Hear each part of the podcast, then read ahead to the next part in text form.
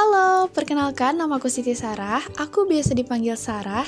Aku mahasiswi jurusan akuntansi S1 semester 6 di IB Kesatuan. Nah, di podcast kali ini aku mau sharing tentang pengalaman aku berkuliah di IB Kesatuan, di mana aku merupakan salah satu mahasiswa penerima beasiswa unggulan di IB Kesatuan tahun 2018 lalu. Dan gak kerasa, waktu cepet banget nih, udah 3 tahun berlalu, dan sekarang aku udah semester 6. Oke, cerita pertama aku mau flashback dulu nih, kisah pertama aku masuk kuliah di IB Kesatuan. Karena di SMK dulu itu aku masuk peringkat tiga besar, maka saat itu aku berkesempatan untuk menjadi salah satu penerima undangan untuk tes beasiswa unggulan di IB Kesatuan. Nah, dulu waktu zamanku tuh namanya masih STY Kesatuan atau Sekolah Tinggi Ilmu Ekonomi Kesatuan dan sejak akhir tahun 2019 berubah nama menjadi Institut Bisnis dan Informatika Kesatuan atau IBI Kesatuan dengan bertambahnya fakultas dan program studi baru. Nah, dulu tuh aku melewati empat tahapan seleksi yaitu seleksi rapot, tes potensi akademik, tes psikotes, dan wawancara. Jadi itu sistemnya gugur. Kalau kita lolos seleksi rapot, kita masuk ke tes potensi akademik. Terus kalau kita lolos lagi, kita bakal tes psikotes dan selanjutnya yang terakhir adalah wawancara. Dan saat aku ambil pengumuman, alhamdulillah aku lolos di tahap wawancara dan menjadi salah satu penerima beasiswa unggulan. Dan di saat yang bersamaan juga, aku mendapatkan surat kelolosan bahwa aku diterima di salah satu perguruan tinggi negeri terbaik di Indonesia dengan program studi yang sama. Nah, setelah diskusi panjang dan dengan berbagai pertimbangan, akhirnya aku mutusin untuk ngambil kuliah di IB Kesatuan. Ada beberapa alasan, yaitu yang pertama, karena itu merupakan beasiswa. Jadi kan dulu tuh aku punya rencana untuk kuliah sambil kerja supaya bisa biayain kuliah aku sendiri. Tapi karena aku diterima beasiswa unggulan di mana aku diberikan beasiswa berkuliah secara gratis full dari awal masuk sampai dengan lulus. Jadi, aku bisa fokus kuliah tanpa perlu memikirkan biaya. Nah, alasan yang kedua tuh karena aku diterima di jurusan yang aku mau, yaitu akuntansi. Di mana akuntansi di IB Kesatuan ini akreditasinya udah A dan banyak meraih prestasi. Dan yang ketiga, menurutku kuliah itu baik di negeri maupun swasta tuh sama aja. Karena saat kita lulus nanti, yang dibawa adalah personal branding, bukan kampus branding. Dulu tuh kampus besar karena mahasiswanya, tapi sekarang emang banyak mahasiswa yang pengen besar karena nama kampusnya.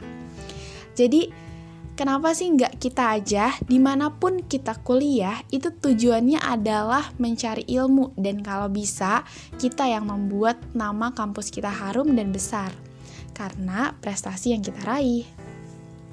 Oke, okay. jadi finally aku jadi mahasiswa di IB Kesatuan dan gak berhenti sampai situ. Saat di kampus, aku tuh mengikuti satu organisasi, dua unit kegiatan mahasiswa, dan satu komunitas. Jadi yang pertama tuh aku menjabat sebagai wakil ketua himpunan mahasiswa akuntansi periode 1920 atau 2019-2020. Nah, yang kedua, aku menjadi anggota divisi pendidikan di Kesatuan Akunting Club. Yang ketiga, aku menjadi anggota hubungan masyarakat di lembaga dakwah kampus. Dan yang keempat, aku menjadi anggota di komunitas gerobak amal. Aku tuh orangnya seneng banget ngikutin banyak kegiatan di kampus karena menurutku dengan mengikuti organisasi tuh banyak banget manfaat yang kita dapetin. Kita dapat pengalaman soft skill yang gak kita dapetin di dalam kelas. Kita juga dapat mengembangkan potensi yang kita miliki serta menambah relasi dan banyak kebermanfaatan lainnya yang aku dapetin. Nah, gak berhenti sampai di situ. Aku juga masuk di semester 3 nih, waktu aku masuk di semester 3, aku direkrut oleh Kepala Marketing IB Kesatuan untuk magang di unit marketing IB Kesatuan. Karena awalnya aku tuh emang aktif ikut serta dalam kegiatan sosialisasi kampus ke sekolah-sekolah. Akhirnya aku direkrut saat aku semester 3. Nah, yang jadi tantangan di sini nih gimana cara aku bisa bagi waktu antara organisasi, magang, kuliah, dan konten. Karena aku nih salah satu anak yang suka banget ngekonten di media sosial seperti Instagram, snack video, TikTok, podcast, dan lain-lain.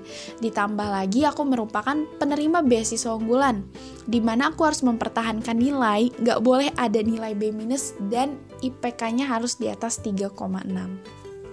Nah, cara yang aku lakuin tuh simple. Yang pertama, harus kasih mindset yang positif ke diri aku sendiri kalau aku pasti bisa. Karena aku berkaca pada orang-orang yang udah lebih dulu dari aku, mereka pernah ngalamin di posisi seperti aku dan mereka bisa ngelaluinnya dengan baik. So, kalau orang lain bisa, aku juga pasti bisa. Kedua, jangan pernah nunda untuk ngerjain tugas atau kerjaan apa pun itu. Karena kalau ditunda itu bawaannya bakalan berat dan jadi males buat dikerjain. Dan itu bahaya banget sih menurut aku karena bakal jadi kebiasaan yang kurang baik dan kita akan sulit untuk memanajemen waktu. So, ketika ada waktu luang, langsung kerjain baik tugas ataupun kerjaan. Sempetin waktu buat belajar setiap harinya, walaupun cuma satu jam, yang penting fokus dan rutin terus minta ajarin ke teman kita kalau misalnya ada materi yang emang kita kurang paham. Dan jangan lupa juga untuk ngajarin orang lain yang kurang paham kalau emang kitanya udah paham duluan. Jangan lupa juga untuk selalu diiringi dengan doa dan minta ridho sama orang tua. Karena ridho orang tua tuh penting banget menurutku. Nah, Menurutku itu beberapa tips dari aku saat menjalani berbagai kegiatan di dunia perkuliahan. Dan alhamdulillah, tahun 2021 ini masa jabatanku di organisasi udah selesai semua dan bisa aku laluin dengan baik dan lancar. IPK terakhirku 3,8 dan alhamdulillah sekarang aku udah sampai di semester 6. Jadi tinggal 2 semester lagi nih. Bismillah semoga lancar sampai wisuda. Nah, sekarang aku isi kegiatan aku dengan coba ikut beberapa lomba, baik akademik maupun non-akademik, dan persiapan untuk skripsian, magang di semester 8, terus aku juga ngekonten dan lain-lain. Insya Allah, apa pun yang menjadi impian dan cita-cita kita, kita pasti bisa meraihnya. Kita harus percaya kalau dalam hidup tuh bukan tentang bisa atau nggak bisa, tapi mau atau tidak mau. Ketika kita udah memiliki kemauan yang kuat, kita berusaha terus, terus, dan terus, kita pasti bisa mewujudkannya. Nothing is impossible for life, and everything is possible. Wah, seru banget nih sharing-sharing kali ini. Dan mungkin segitu dulu sharing dari aku. Semoga bisa bermanfaat untuk teman-teman semua. Semoga bisa ketemu sama aku lagi ya di sharing berikutnya. Goodbye, goodbye and see you on top. Bye.